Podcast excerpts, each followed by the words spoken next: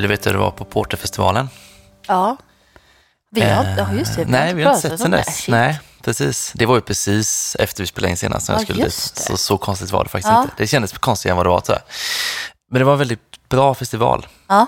Den var så här ganska mysig på något vis. Lite annan vibe än andra festivaler jag varit på. Får jag ställa en fråga? Ja, För jag fattade som att det var på flera våningar. Mm. Funkade det? Bra. det funkar jättebra tycker jag. Ja. Ehm, det verkar som att tidigare år har det varit liksom mycket mer entréplanet. Mm. Och att det var ganska trångt där. Men nu var det mer fördelat då på höjden. Mm. Eh, så nej, det tycker jag funkade jättebra. Det var ju liksom eh, bara att gå trappan upp. Ja, det fanns väl hiss också för den delen, men lättillgängligt. Men det var, det var, eller var det runt typ, för de bilderna jag såg så var det typ runt ett atrium. Eller så att man ändå kunde se alla planen, Ja. ha översikt. Ja. Liksom, lite. Precis. Det underlättar ju ändå i orienteringsförmåga och att känna att man är på Ja, det är precis. ett och samma rum. Ja, det kändes som att allt satt ihop faktiskt. Ja. Så det, nej, det var inget jag tänkte på alls egentligen. Så det var bra ordnat av dem. Eh, och de är ju då Porter Drinkers Association som eh, anordnar det Portsällskapet. Bland annat, eh, alltså en kuriosa om vi inte har sagt det redan, så när man svärs in i det i den associationen helt enkelt, Mm. då lovar man ju att bara dricka mörk öl. Oj, Ja, jag vet inte om jag vad sagt det. händer men om så- man inte gör det? Eh, jag pratade med dem lite sådär och då var det en som sa liksom att det har ju funkat dåligt liksom att liksom, Ja. hur ska man straffa folk? Ja, alltså ja. det, så jobbar de ju heller inte riktigt. Men det är väl mer en moralisk kompass då. Eh, men det är tanken då att man bara ska dricka mörkt. Så de är väldigt hardcore och har ju koll på sin porter kan man säga. Ja, Slutsålt var det.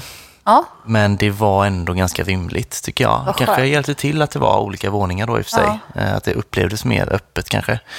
Eh, Men jätteskönt så. fanns det mycket folköl? Mm, faktum att det gjorde det tycker jag. Man tänker kanske annars så här, när det är porter liksom och, och stout att det är liksom, hur mycket bredd är det egentligen? Men det var väldigt bra bredd. Eh, Det fanns såklart mycket som var starkt och så mycket däremellan, men det fanns också ett bra antal folköl och eh, rent av en lättöl också. Eh, nu var ju eh, också en bra grej att man fick ett program när man kom dit.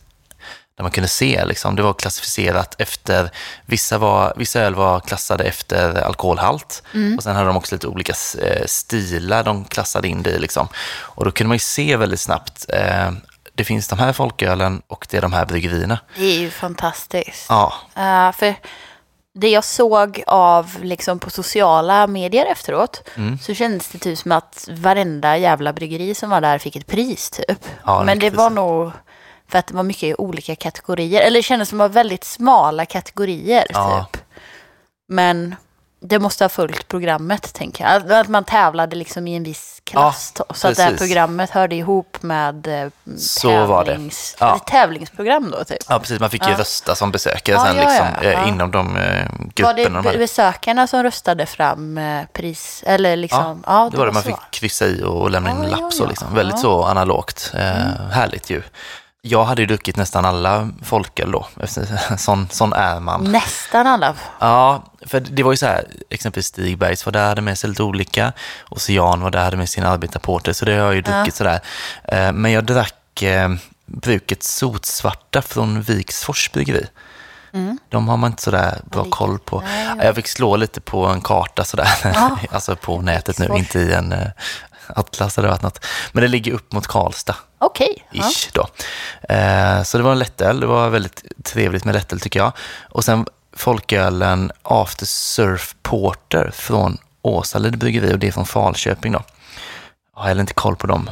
Men, Ja, nu ska inte jag kritisera. Varför gör man en after surf i Falköping? Det finns ingen vatten att surfa Nej. på. Ja, Okej, Man men ja. visste kanske inte det. Nej.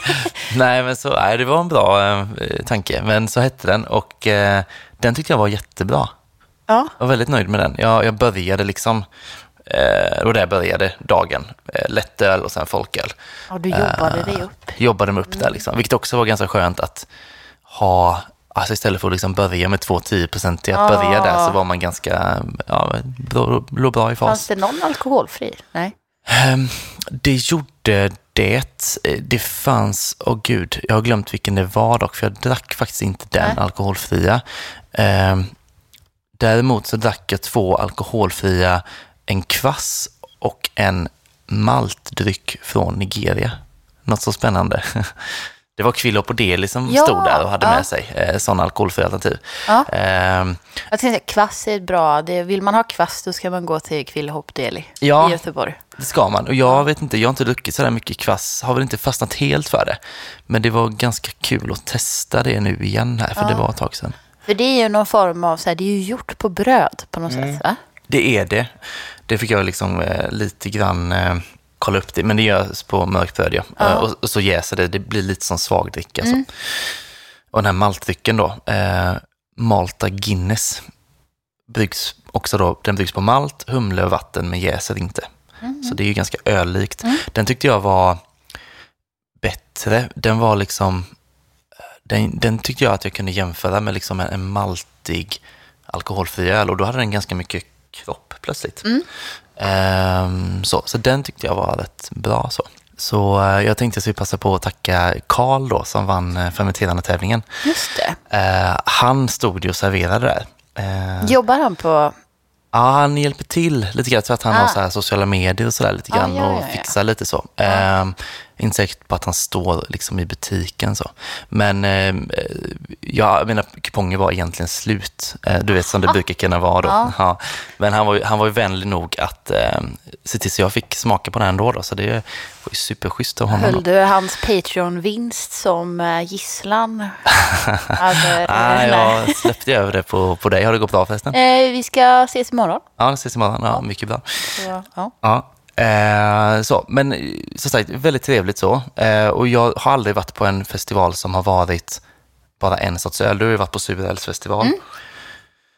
Jag kände egentligen bara vid ett tillfälle att det hade varit skönt med något annat. Sen gick det över väldigt snabbt och tyckte snarare att det var mm, liksom, gött att dricka samma, faktiskt. Jag tänker att det ändå finns en bredd inom området. Mm. Och att det inte är riktigt lika aggressivt mot magen som en surölsfestival kanske är. Nej, precis. Eh, men man hade nog också, alltså en liten lager lite då och då hade väl aldrig Nej, bara för att eh, ta något annat så. Ja. Ja. Men för jag drack ju kvass på den surölsfestivalen med Kellers. Mm. Det var första gången jag alltså fick, jag hade aldrig hört talas om kvass innan. Och då var det ett, nästan ett fint avbrott mot det andra. Även om Mm. den var lite sur så var det något helt annat och Mm. supergott. ja. En av de bästa då. Det var så ja. ja, Gött. En annan reflektion jag hade var att alltså, så här, crowden på ölfestivaler brukar väl vara liksom, mestadels män medelålders eller uppåt. Ehm, här var, liksom, det var inte helt olikt den här festivalen, men snittåldern ännu lite högre. Mm. Eh, jag har nog, det var länge sedan jag kände mig yngst. Ja. Men det var nästan så att jag var det. Det var kanske några som var något yngre. Var det såg, annars var mycket jag. hattar och skägg? Eh, alltså egentligen bara på de som eh, är med i sällskapet då. Eh, annars var det väl liksom Mm. Ingår det också klädsel, i så här, att man, alltså när man blir medlem, att man måste svära på att bära hatt? Typ. Jag vet inte det faktiskt. Jag tänker också att de gärna vill bära hatt Ja. och cap och sådär. Så att jag tänker att det liksom inte har varit ett problem Jag någonsin. tycker det är väldigt charmigt. Man blir ju glad. Ja, eller hur? Och det är ett jättegammalt sällskap. Jag tror Mm. det är från 30-talet någon gång. Så att eh, det är väl eh, jättekul att, att de har sin Ja. porterklubb. Eh, sådär. Några kvinnor såg jag också. Mm. Det, var så här, ja, det var ju väldigt skev fördelning såklart. Eh, men jag hade i tanken att det kanske skulle vara noll när jag kom dit. Varför då? Det känns, så, det känns ju lite gubbigt att gå dit. Jag kände mig också som en gubbe lite liksom. Och det var eh, kanske, om jag bara gissar nu, taget ur minnet, nu går man förbi samma personer hela tiden, Mm. men jag tror inte att det var mer än 20 kvinnor. Nej, det är så. alltså. Ja. Så Ja. jag blev ändå positivt överraskad då med tanke på att jag trodde noll kanske. Men eh, ja, det var väldigt lågt. För annars kanske jag har känt eh, som Pauline Berfest att ja, men ändå kanske börjar svänga lite grann åt Ja, någon slags och- jämvikt. Men Men jag tycker inte också, eller för jag har svårt att tro liksom att det handlar om ölstilen. Att det var liksom att det inte är därför det är så mycket kvinnor. Men kanske, jag själv upplever det ju, alltså mina fördomar skulle jag också säga att det är en, att det skulle vara ganska gubbigt liksom, Mm. i, i eh, klientelet. Men jag tror också för att det känns lite som att portersällskapet är Men det man har sett av dem så är det ett gäng män i hattar. Typ. Jag vet inte Mm. om det finns någon kvinnlig medlem i Men jag såg faktiskt en. Det finns, Ja, ja, det finns så ju det säkert, gör det också eh, då. någon Ja. också. Men det bygger nog mycket på fördomar så. Mm. Jag hade gärna gått men jag kände mig väldigt sliten. Mm. Och att eftersom det var slutsålt så orkade jag inte Ja. heller jaga rätt på någon biljett. Nej. Sådär, typ. Det var ju slutsålt alltså, ganska långt innan ändå. Mm. Alltså tre, fyra veckor skulle jag säga. Och sen vet jag inte om de hade något mer släpp kanske. Men eh, alltså, det är väl ingen festival som... Jag tror inte jättemånga har den top of mind. Nej, Eh, Och det kanske... är inte liksom marknadsfört stort. I, det, är- det är djupt i nördkretsar. Ja, man ser ju och- ingenting på Instagram och sådär. Jag har inte sett någonting och det egentligen. känns också som att det är mer rotat i folk som har varit med länge Mm. i gamet på något Det sätt. tror jag. Typ. Ja, man kanske har gått på den en gång och sen fortsätter man Ja. också. Typ. Det, det kan jag mycket väl tänka mig. Eh, men alltså, gillar man mörköl eller vill upptäcka mer genom mörköl så tycker jag Mm. verkligen man ska passa på att gå. Alltså. Nu är det om två år nästa gång då. Men det finns ju någon, det finns ju någon så här Porter Stout-träff typ i Mölndal i februari tror jag. Mhm. Så, så det finns lite andra typ så- som nischar sig inom samma... Eh, Dryck så. ja, fast Mm. det kanske är lite mer Mm. eller Just träff. Men eh, ändå liksom att det finns eh, träffar eller festivaler som är nischade lite i... Ja, Om man inte orkar vänta i två år så Nej, kan ju det nej. vara ett tips. det kan det verkligen vara. Så att, eh, ja, det var jättekul hur som helst. Eh, har du varit med om något kul sen senast eller har du något att berätta? Eh, ja, men jag har ju druckit eh, folkmjöd. Mm. Jag var eh, på The Attic Meadery, firade fem år på Haket Just det. i lördags. Ja, och då hade de ju tre olika sorters eh, folkmjöd som de hade med sig. okej. Var de 3,5 då eller vad var de? Ja, du, jag kommer inte ihåg exakt procenten, men alltså under 3,5 var de ju. Mm. Och det är en väldigt, eh, för jag har provat eh, två av dem förut, för Alex har haft med det på när vi har haft ölprovning tidigare. Mm. Eh, och så provade jag en nu i, i lördags. Och det är väldigt speciellt. Alltså jag har försökt, tänkte på, både när jag drack det och i efterhand, så här, hur ska jag förklara vad det är jag har druckit? Typ. Mm. Eh, och det är ganska svårt. Men det, det är liksom definitivt en egen, en egen nisch kan man Mm. säga. Att det är ju, alltså mjöd generellt är ju väldigt sött och mycket koncentrerade smaker. Ja. Och det här är ju liksom, det blir ju som en, ehm, dels för att det är kolsyra tillsatt så blir det ju liksom lättare och lite spritsigt typ. Mm. Och ja men, alla smakerna blir mycket mer eh, uppfriskande och fräscha typ på ett sätt. Eh, och sen just den jag drack eh, hade, jag kommer inte ihåg vad det var, om det var typ mango och så var det rosmarin i det. Mhm. Och det blev ju en väldigt speciell smak. Också sådär typ, när man, man kan inte riktigt avgöra om det är gott eller inte typ. För att det är väldigt speciellt på något Mm. sätt. Det blir väldigt örtigt och blommigt och fruktigt på samma gång. Ja, just det. typ. Eh, Men jag hoppas att han kommer ha med sig det mer i framtiden. Han, hade, han har ju ändå flaskat det liksom. Och Ja, han hade så. med sig, det stod i kylen på haket. Ja, yes. Då kanske man skulle ta sig dit. Ja, om man har lämnat kvar det där eller så. Men jag har inte sett det tidigare att de har liksom typ en egen kyl med alkoholfritt och folköl. För det hade de i Ja. lördags när jag var där. Så de kan ha haft det. Det är bara att man inte har sett det kanske. Nej, för den har Eh, stått, den står i den här, i det bakre rummet. Eller man ska Ja, ja, sin. Mhm. Okej, ja det kan man ju Eh. missa då. Mm. Men det var väldigt trevligt. Och Ja. det var en helt ny upplevelse i... Ja, man kan ju hoppas att det blir en grej. Folkmjöd. Ja, det är Behöver, det är alltid roligt med nya Ja, bilar, tänker jag. ja, verkligen kul. Han själv har haft väldigt svårt, eh, för han har haft det på G som en experimentell grej väldigt länge. Mm. Och så har jag frågat, tjatat lite på honom att det vore kul att prova i podden, men han har varit lite kluven till det själv för att han är väldigt petig med sina drycker och sånt. Ja, typ. okej. Att han Ja, vill inte... Han vet ska vara riktigt bra då innan Ja, man... precis. Så att, eh, Mm. Under utveckling. Ja, okej. ja, men någon gång får väl även jag testa då kanske. Ja, Ja, ja fan vad kul. Jag säga också att man gärna får bli Patreon ja. Man får helt enkelt mer poddmaterial, man är med i tävlingar och eh, stöttar podden. Nu har vi ju ingen tävling exakt nu, men när man minst anar det så kommer det dyka upp en.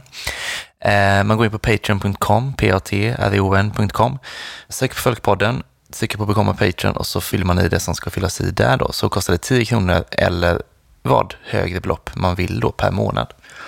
Tygpåsarna som vi har, det är kanske är dags nu inför jul, eh, köpa tygpåsar och lägga något gött i.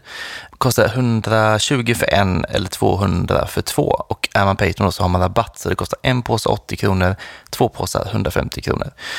Finns ju på Instagram och Facebook under burkar och flaskor så det är egentligen bara att skriva där så kommer vi lösa det.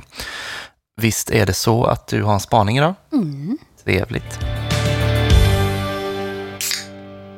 Jag hade först idag planerat att prata och spekulera lite i det här med vaccinpass och vaccinpass på krogen. Men då un under dagen idag så kom de ju ut med nya restriktioner eller nya riktlinjer då i att vi inte kommer att behöva vaccinpass för att gå ut på krogen men Mm. dels gå ut på nattklubb. Ja. Och så kände jag att eh, då vi, behöver vi inte spekulera i det och eh, vi har väl kanske pratat tillräckligt om corona. Folk blir väl lite trötta Ja, kring det kanske. här. Eh, så då när jag scrollade igenom eh, Bear News i, desperation på att hitta ett nytt ämne att prata om. Så liksom min, min, jag reagerade på att det är väldigt mycket, nu har det också varit ganska tyst med festivaler ett år, eller under ett par år. Men det känns, min upplevelse är att det finns väldigt mycket små festivaler runt om i landet. Eller att det kommer mer och mer ölfestivaler hela tiden. Att nästan varenda liten stad har sin egen ölfestival nu. Mm. Eh, och det får mig att tänka på, jag vet att jag tidigare har dragit referenser till musikvärlden. Men jag som i, i mina ungdomsår var väldigt mycket på festivaler kan känna liksom att, alltså, att jag har upplevt liksom en period där det var en uppgång från att det fanns några stora festivaler tills det fanns hur många som helst. För, säga, för tio år sedan så kändes det nästan som att varje vecka på som, under hela sommarperioden så fanns det minst en festival man kunde åka på varje helg liksom, i stort sett.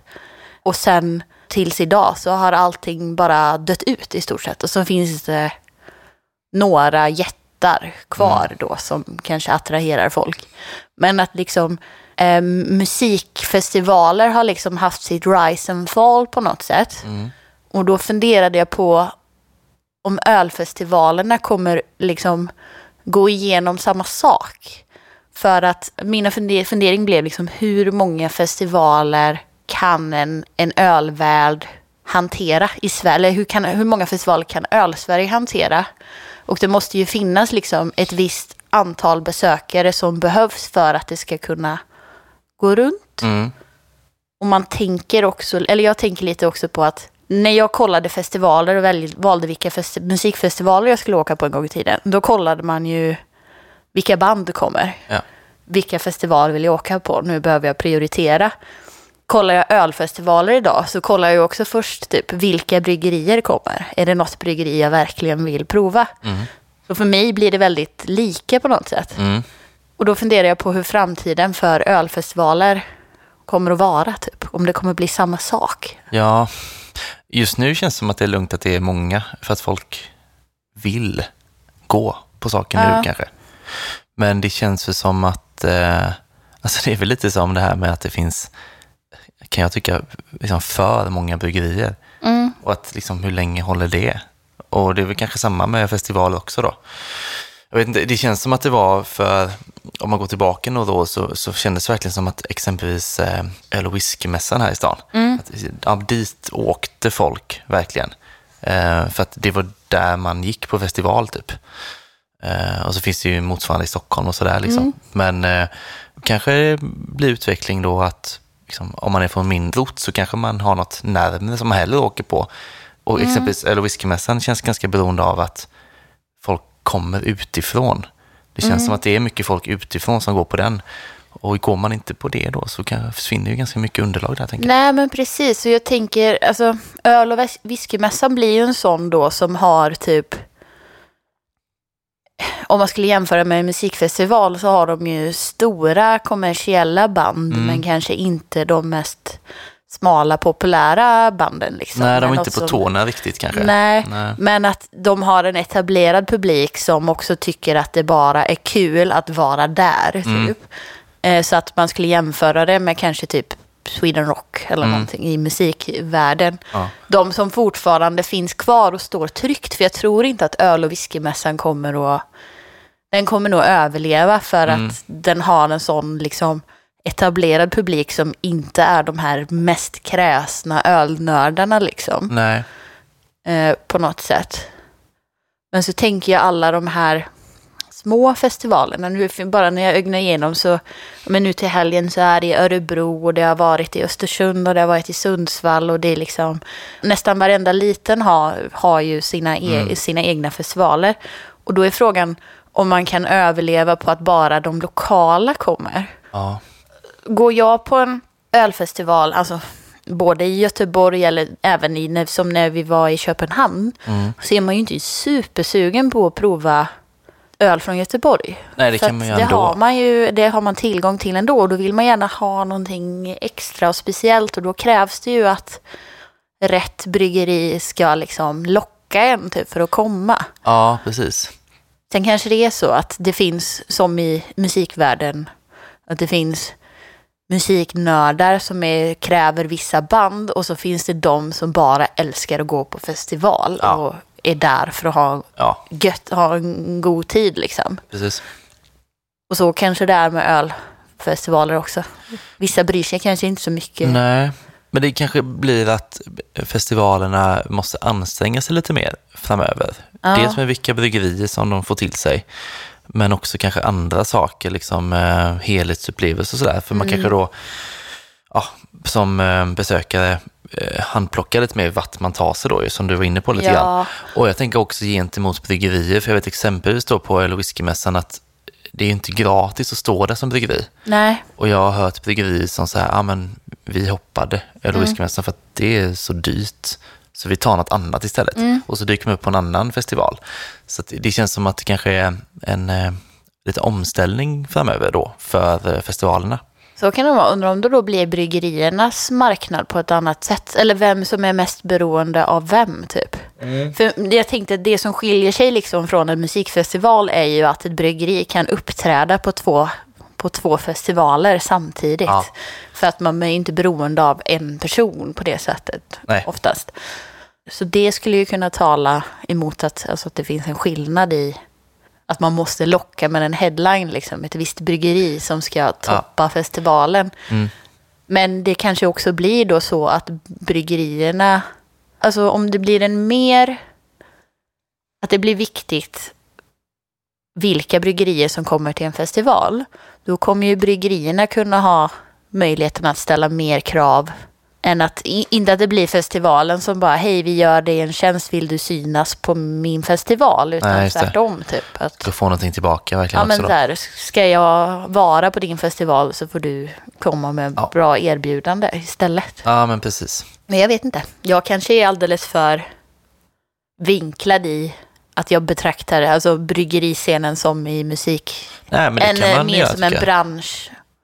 Det är ju väldigt sällan en artist betalar för att få uppträda på en festival. Ja, Men om det är som bryggerierna betalar för att få medverka på en festival blir det en helt annan. ja Vinkling. precis.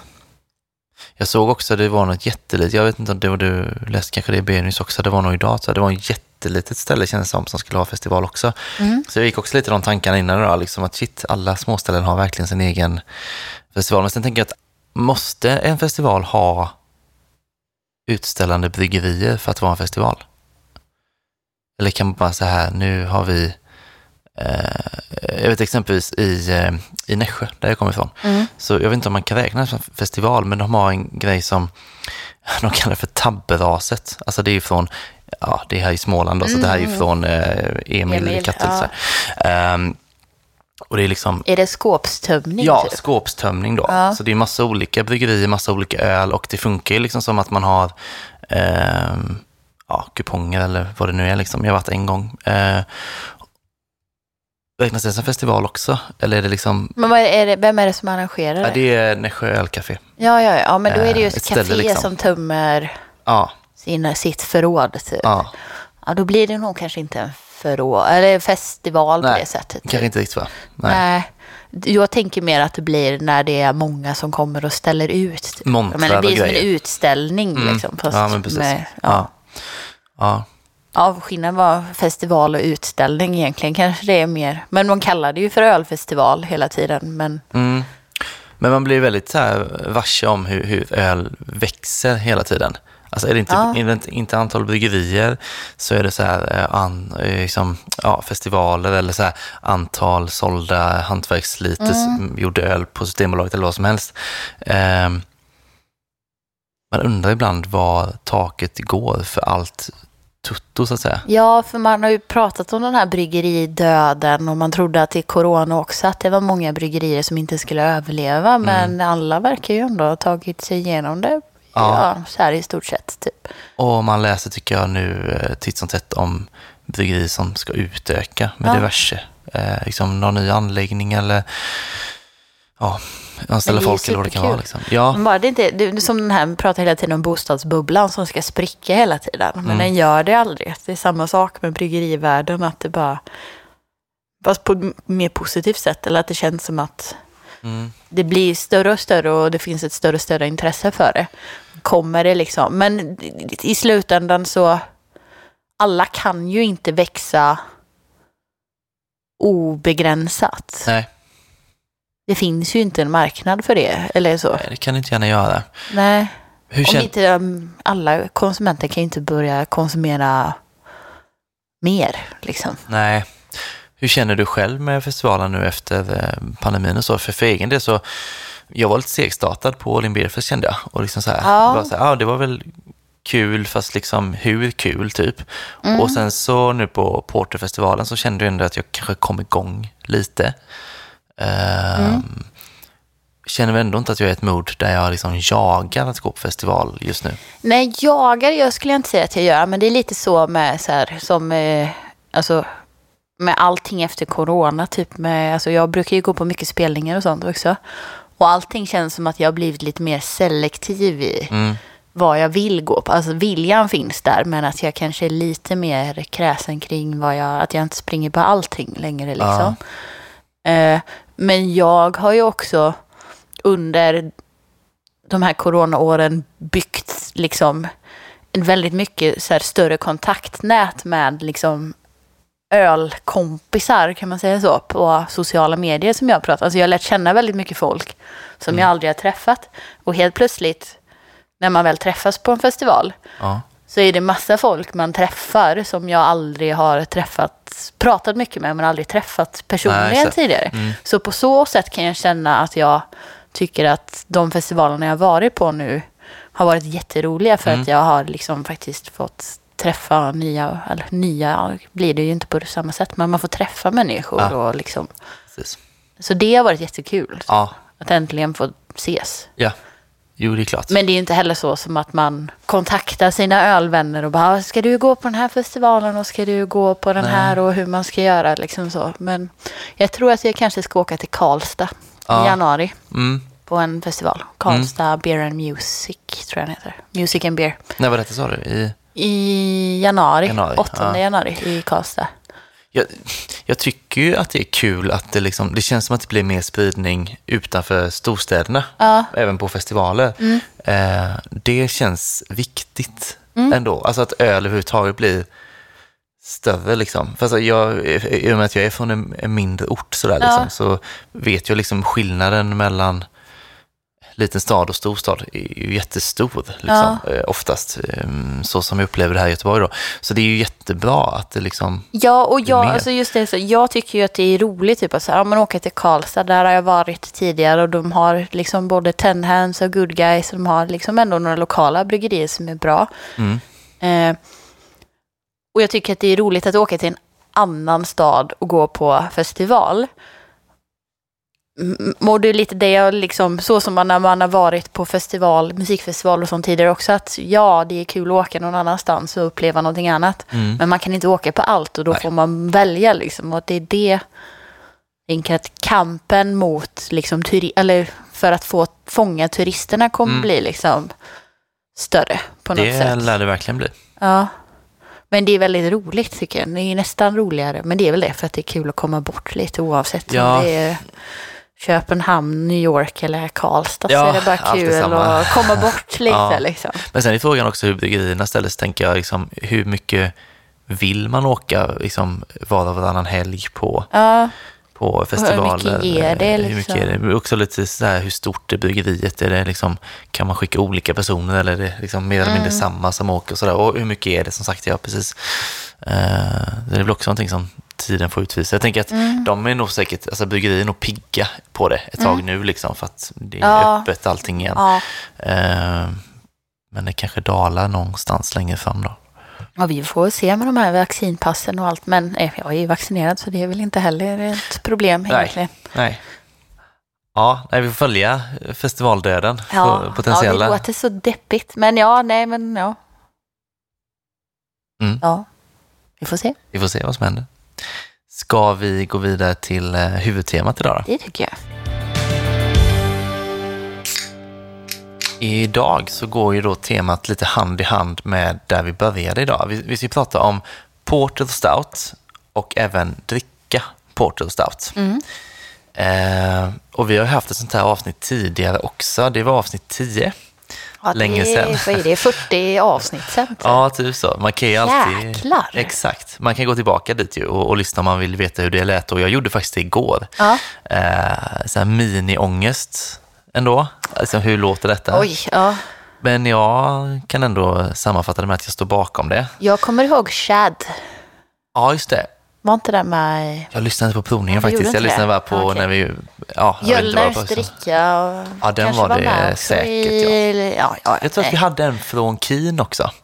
ja. Keen Brewing. Ja. Något i den stilen. Ja, man får gå Ja, tillbaka ja. om man är sugen på det. Du lyssnar inte så långt? Nej, nej. Nej, jag lyssnade bara lite grann. Ja. Eh, Du är nu form av eh, Porter-expert här eftersom Ja. du har varit på Porterfestival också. precis. Så det är du som... Det är jag som går som expert nu efter Ja. salongstuckit i fem timmar. Precis. Eh, men så här, jag tycker det, det är kul att eh, kanske prata Porter Stout just nu, för jag tror ändå att många dricker lite efter årstid och Mm. att det kanske dricks en del Porter Stout just nu där ute. Eh, någonting som man ibland så här, ja, hör någon fråga eller fråga direkt till en eller sådär, det är ju då vad är skillnaden på Porter och Stout? Mm. Inte helt enkelt. Eh, jag har liksom försökt kolla upp det här lite och Mm. det är inte så mycket att komma med egentligen. Så här, Porter kom först, eh, bryggdes i London början på 1700-talet. Sen på 1770-talet så, så kom det då en annan lite kraftigare ölstil från Irland och det kom att kallas stout. Eh, så det är liksom en, Porter är också döpt efter typ arbetarna på något sätt. Ja, va? de som bar eh, buden liksom. Ja. Eh, då ropade man porter för att det betyder nog bärare typ. Ja. Liksom. Man ropade porter efter dem liksom när de skulle komma till krogarna så. Ah. Eh, men också då att, eh, så det, alltså, ja, att det är lite kraftigare med stout, det är väl Mm. distinktionen. Och man kan också ha med sig att stout kallades först för stout porter, vilket då innebär stark porter. Mm, ja, okej. Ja. Så, så här, historiskt sett är det väl där man hamnar. Liksom. Och att porter var det första öl som tillverkades i industriell skala. Kan man ha med sig Ah, också, okej. om man är sugen på den infon. Men idag är det ju ganska liberalt och upp till varje bryggeri och kalla det för vad man vill om mellan Porter och Stout, Ja, tänker jag. Så är det. Och det gör det väl både enkelt och svårt att att veta vad som är vad. Sådär. Mm. Ja. På ett sätt är det skönt att det inte är så noga. Nej. Eh, Men också, liksom, vill man ha en definition av det så är det lite svårt. Så. Man får skaffa sina egna referenser kanske lite sådär. Jag tänker exempelvis så här att det känns som att porter är lite mer traditionellt Ja. Mm. och stout lite mer experimentellt. Så typ Precis. tänker jag det. Ja. Hur vill du ha din porter eller stout då? Alltså jag tänker, min porter vill jag ha lite så här som en kopp kaffe ungefär. Alltså mycket liksom kaffesmak på något sätt. Mm. Om jag jämför med en stout så kan jag acceptera att den inte har liksom lika mycket kropp typ. Mm. Medan mina stouts, där är alltså jag är ju ett fan av pastry. Mm. Jag ska inte säga någonting mot, jag kan älskar de här löjligt söta mjölkchoklad, eh, Ja. godisgrejerna. Men jag kan också uppskatta en liksom en fin eh, fatlagrad stout utan massa bös Mm. i också liksom. Med mer rena toner som kommer från ölet och fatlagringen. Ja, precis. Men oftast då mer kropp i det jag vill ha i en Mm. stout. Det finns ju ett jäkla brett spektra egentligen Ja. eh, med smaker. Så det är ju, det är ju häftigt såklart. Alltså jag vill ju, det är väldigt in character men jag vill gärna ha min ganska svag. Mm. Jag dricker ju gärna porter främst, men kanske även stout, som, eh, som folköl så. Men om det inte är så pass svagt så gillar jag ju då när det ligger så på fem typ. Mm. Ehm, jag tycker att det är, är ganska trevligt. Jag vill ju gärna ha, alltså jag kan absolut uppskatta när det är mycket smaksatt och sådär, men i regel eh, ganska ren så i smakerna. Eh, bra balans. Kanske någon rostad ton eller sådär bara liksom så, eh, som ligger med.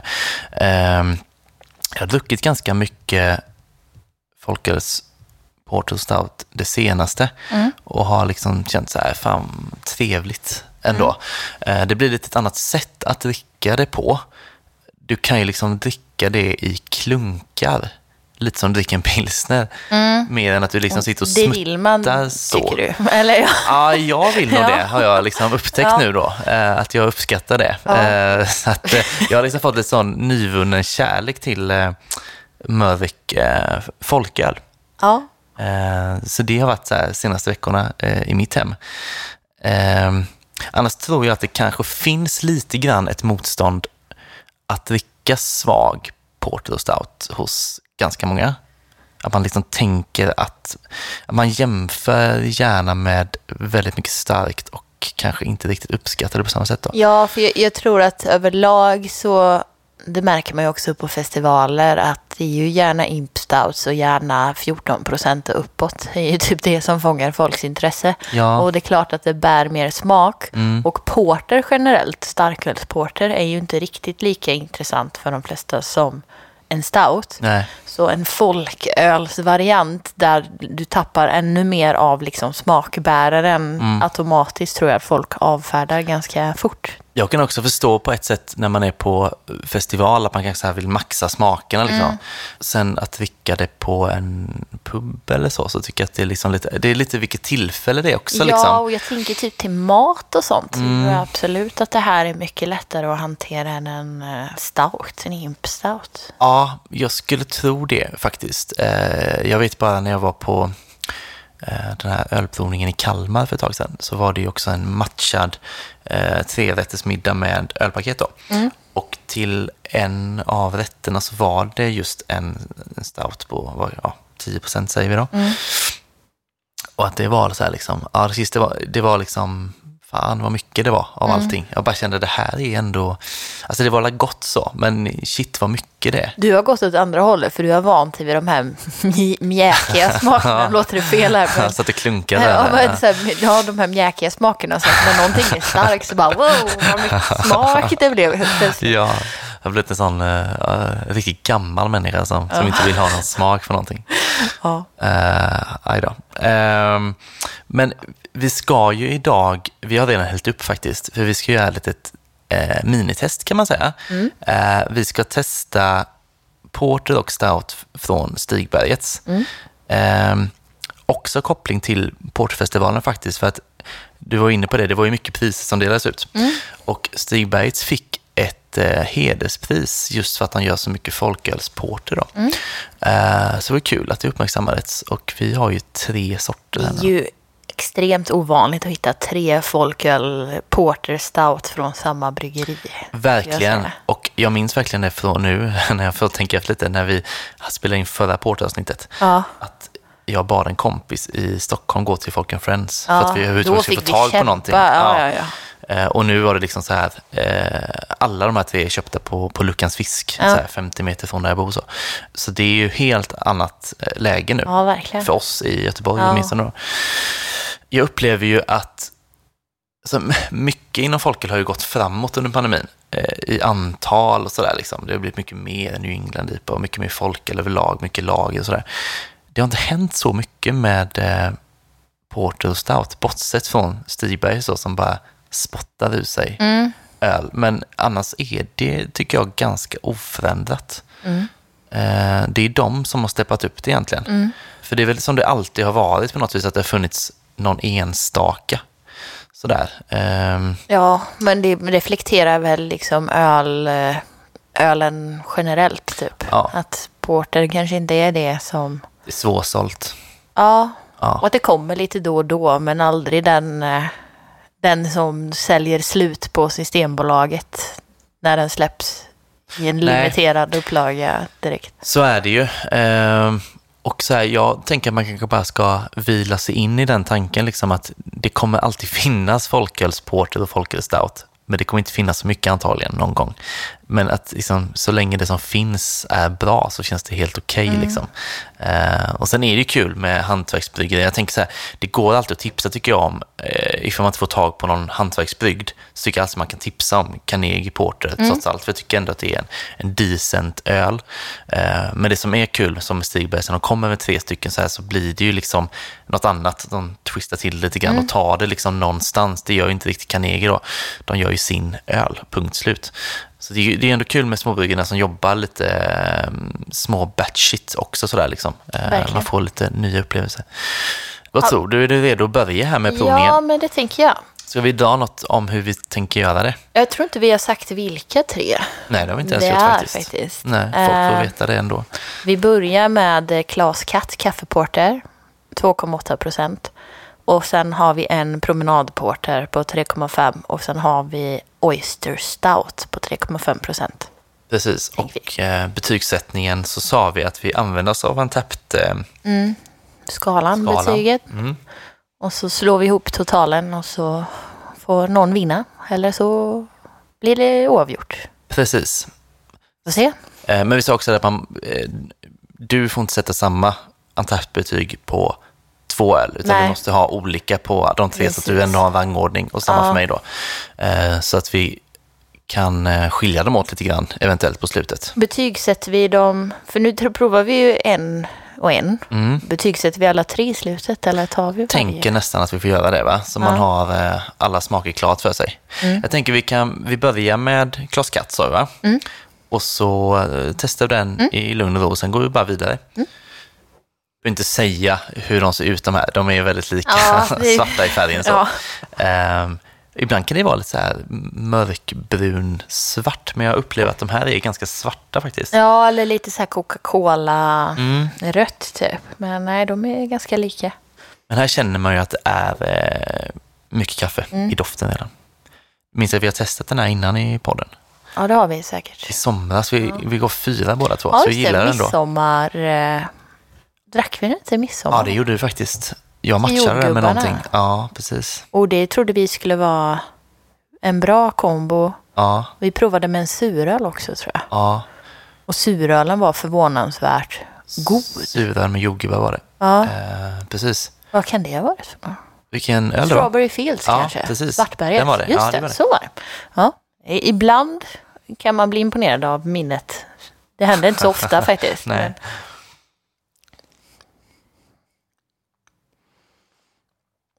väldigt torr Mm. väska och Ja. kaffe. Ja. Inte jättemycket kropp. Nej. Men en sån så här... En sån kaffekopp som får en att vakna till lite, typ. Ja, Väldigt besk. jag gillade att bäskan var så pass faktiskt. Så här, det, det är mycket kaffesmak, men det är gott att det är något annat också som sticker ut, Mm. tänker jag. Lite, lite syrlig också tycker jag. Att- Alltså Ja, jag känner sån- lite i doften kanske. Ja, Men jag har ju tidigare pratat om så här, mycket öl vi har druckit där man så känner att det, liksom, saliven börjar rinna till. Mm. Här är det snarare tvärtom, att det blir så här torrt ja, man blir törstig typ. Ja, att det är så här, lite sandöken i munnen typ. Mm. Nej, men den har inte så mycket kropp så. Men jag är ändå ganska imponerad av... Jag tycker den har viss fyllighet för att vara 2,8. Ja. Ändå, det är Ja. den svagaste vi har framför oss här ju. Ehm, Mm. Se vad den kommer hamna på till slut. Tror du att du generellt kommer ge högre betyg på det här än vad jag kommer göra? Ja, det finns nog chans till det. Eftersom jag har varit så väldigt eh, inne på det här ett tag nu hemma. Ehm, så att kanske Ja, faktiskt. kanske. Vi. Ska vi gå vidare så snabbt? Nästan. Jag är jättenyfiken. Ja, vi tar väl nästa. Ja. Och det är promenadporter då va? ja. Det här är den enda idag som jag inte har druckit jag faktiskt. heller. Men du har druckit starkölen kanske? Finns en 5,5? Ja, det Ja, var jättelänge sedan. den är Eh, ganska gammal. ja. Ja. Finns funnits länge. Det luktar lite så här smörkola och rökigt typ, eller? Ja, det gör den eh, faktiskt. Men lite så diffus doft ändå, Ja. tycker jag. Alltså, Klas Katt var ju väldigt mycket kaffe på en gång. Den Ja. här är lite mer så, man förväntar sig lite mer balans i den här.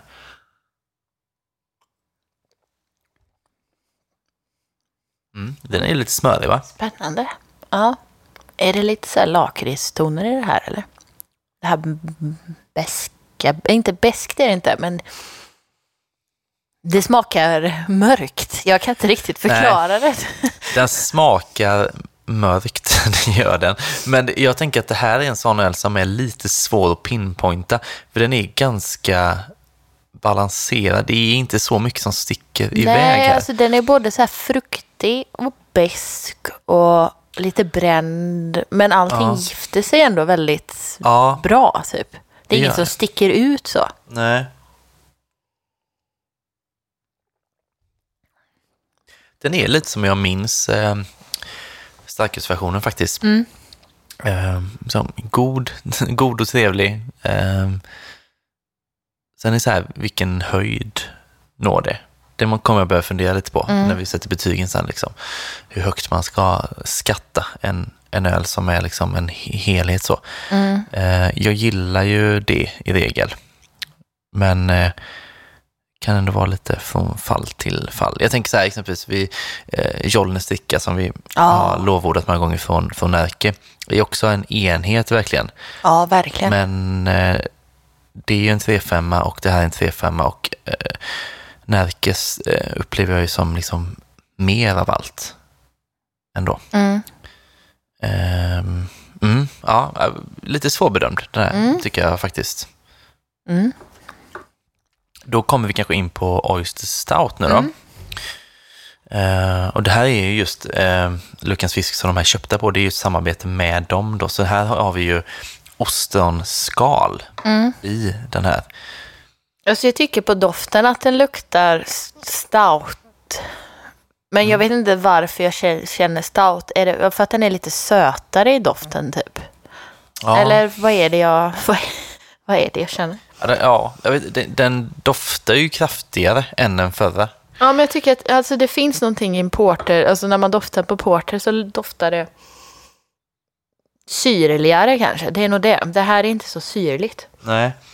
Nej, det är nog där Jag tycker den här ja. känns mörkare liksom. Ehm, Den är inte syrlig på samma sätt. Lite mäktigare så kanske.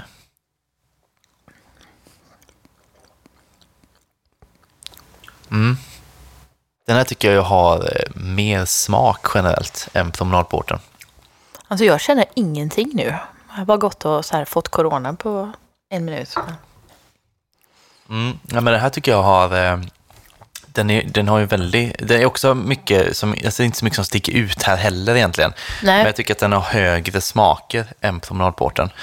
Eh, sen så här, smakar den av ostron? Det tycker jag väl inte riktigt att den gör kanske. men vad gör den? Ger lite så här mineralig eh, ton i det? Eller Ja. vad gör ostronskal till en porter? Jag har druckit väldigt lite av den varan. Mm. Men eh, mineraligt som du är inne på, kanske någon typ av liksom, eh, sälta och så här. Alltså, om man tänker sig ett ostron, liksom, det är en diffus havssmak som Mm. borde liksom spilla över i ölet. Så jag vet att de pratade om, eh, jag pratade med Thomas på Luckans eh, när de har gjort den här och då sa han det att de hade haft i skalen att de, och att de hade varit lite sugna på i fler delar liksom för att få upp mer smak.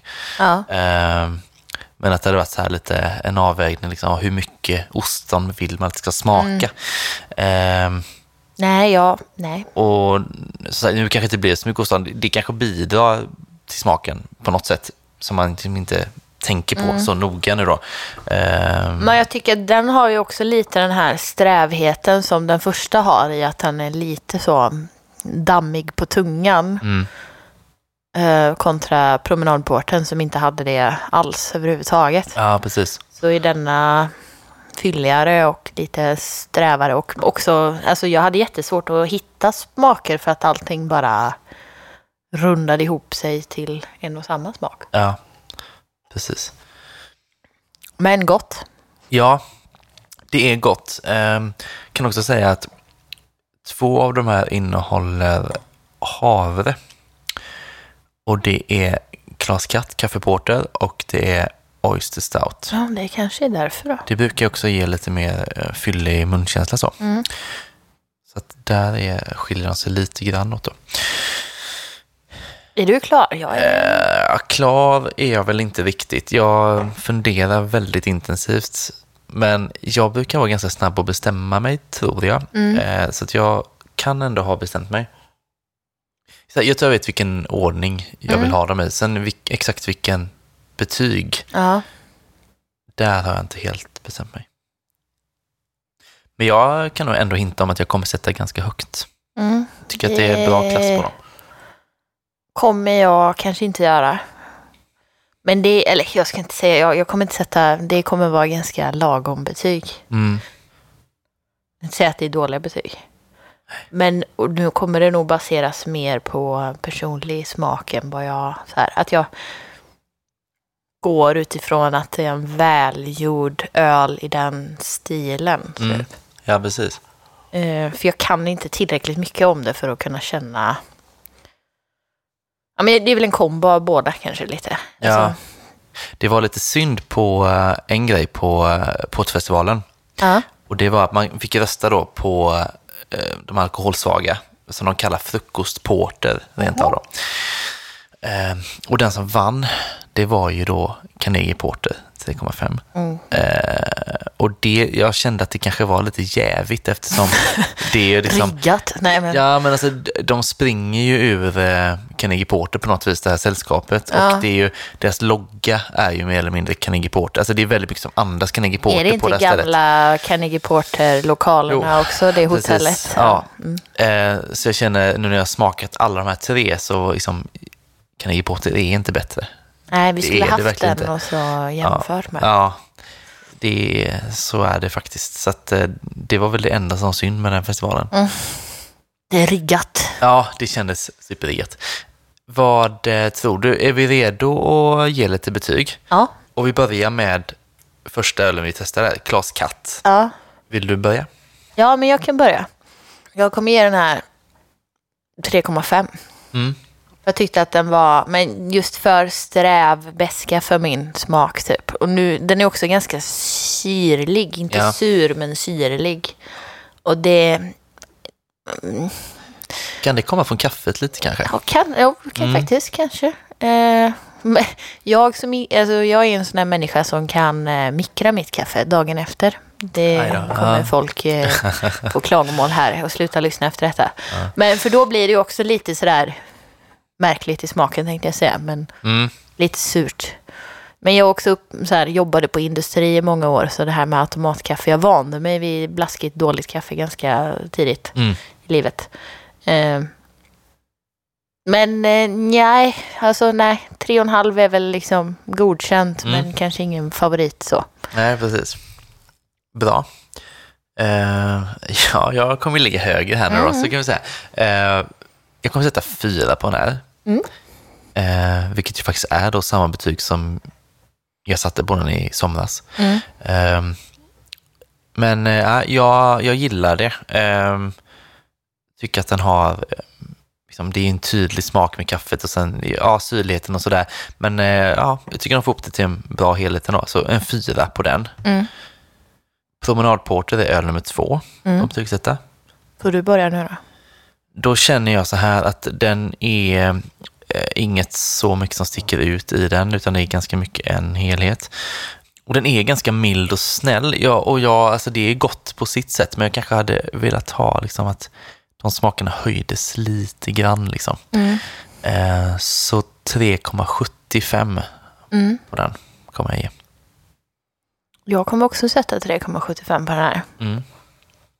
Eh, och jag uppskattar att den... Jag tyckte den hade mer komplexitet i smaken än kaffeporten. Mm. Eh, Att det fanns mer smaker att hitta. Sen är den liksom lite för fruktig och lätt typ för vad jag vill ha i en porter. Utan jag vill ha det lite mer åt, alltså, mer åt kaffehållet och Ja. lite mer mörka rostade toner. Och detta var ganska Mm.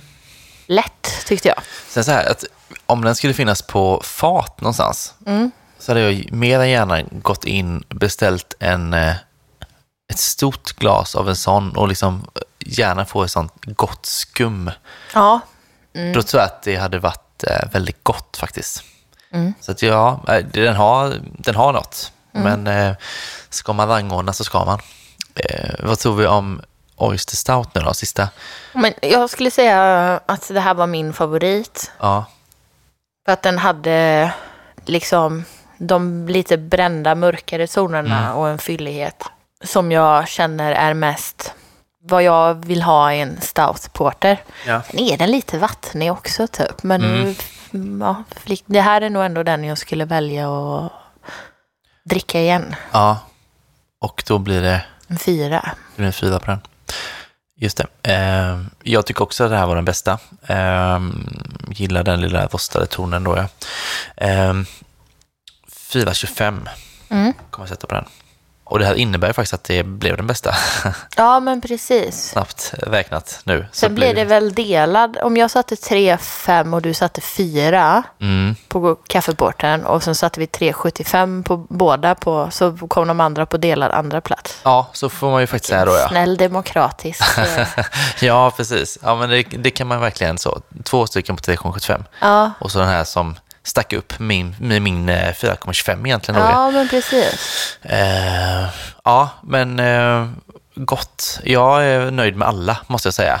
Eh, och det, det är Ja. gött att kunna dricka eh, den här typen av öl som folköl, verkligen. Och känner att det är perfekt läge inför jul också Mm. på något sätt. Jag känner ju...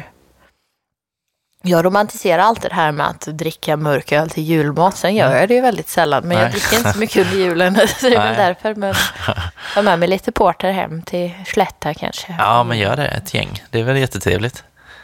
Ja, då har vi kodat en vinnare här också. Ja, Vad grymt. Ehm, vet du eh, att nästa gång så är det ju faktiskt eh, sista för i år.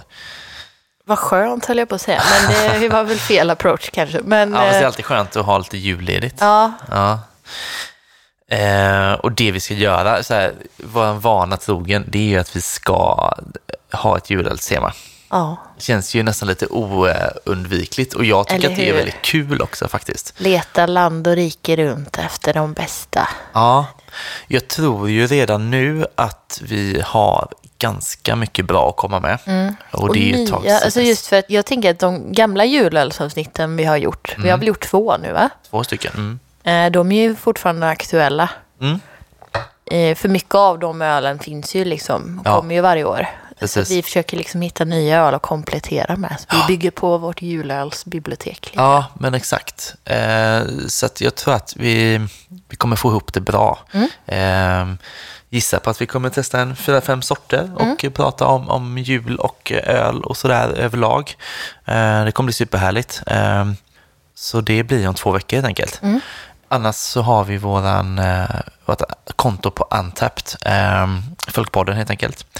Eh, bli jättegärna vän med oss där, så vi kommer checka in eh, allt detta helt enkelt, så behöver man inte eh, gå tillbaka och lyssna på podden om och om igen för att veta vad vi tyckte, utan man kan bara kolla där. Eh, och sen så tack Hannes för klippning och John för eh, jingel. Och John var med på Portfestivalen förresten. Jaha. Det har jag inte ens sagt, Nej. men eh, det var det. Eh, så tack för sällskap också, antar jag. Eh, men eh, vi kör ett julavsnitt om två veckor, så hörs vi då. Det gör vi.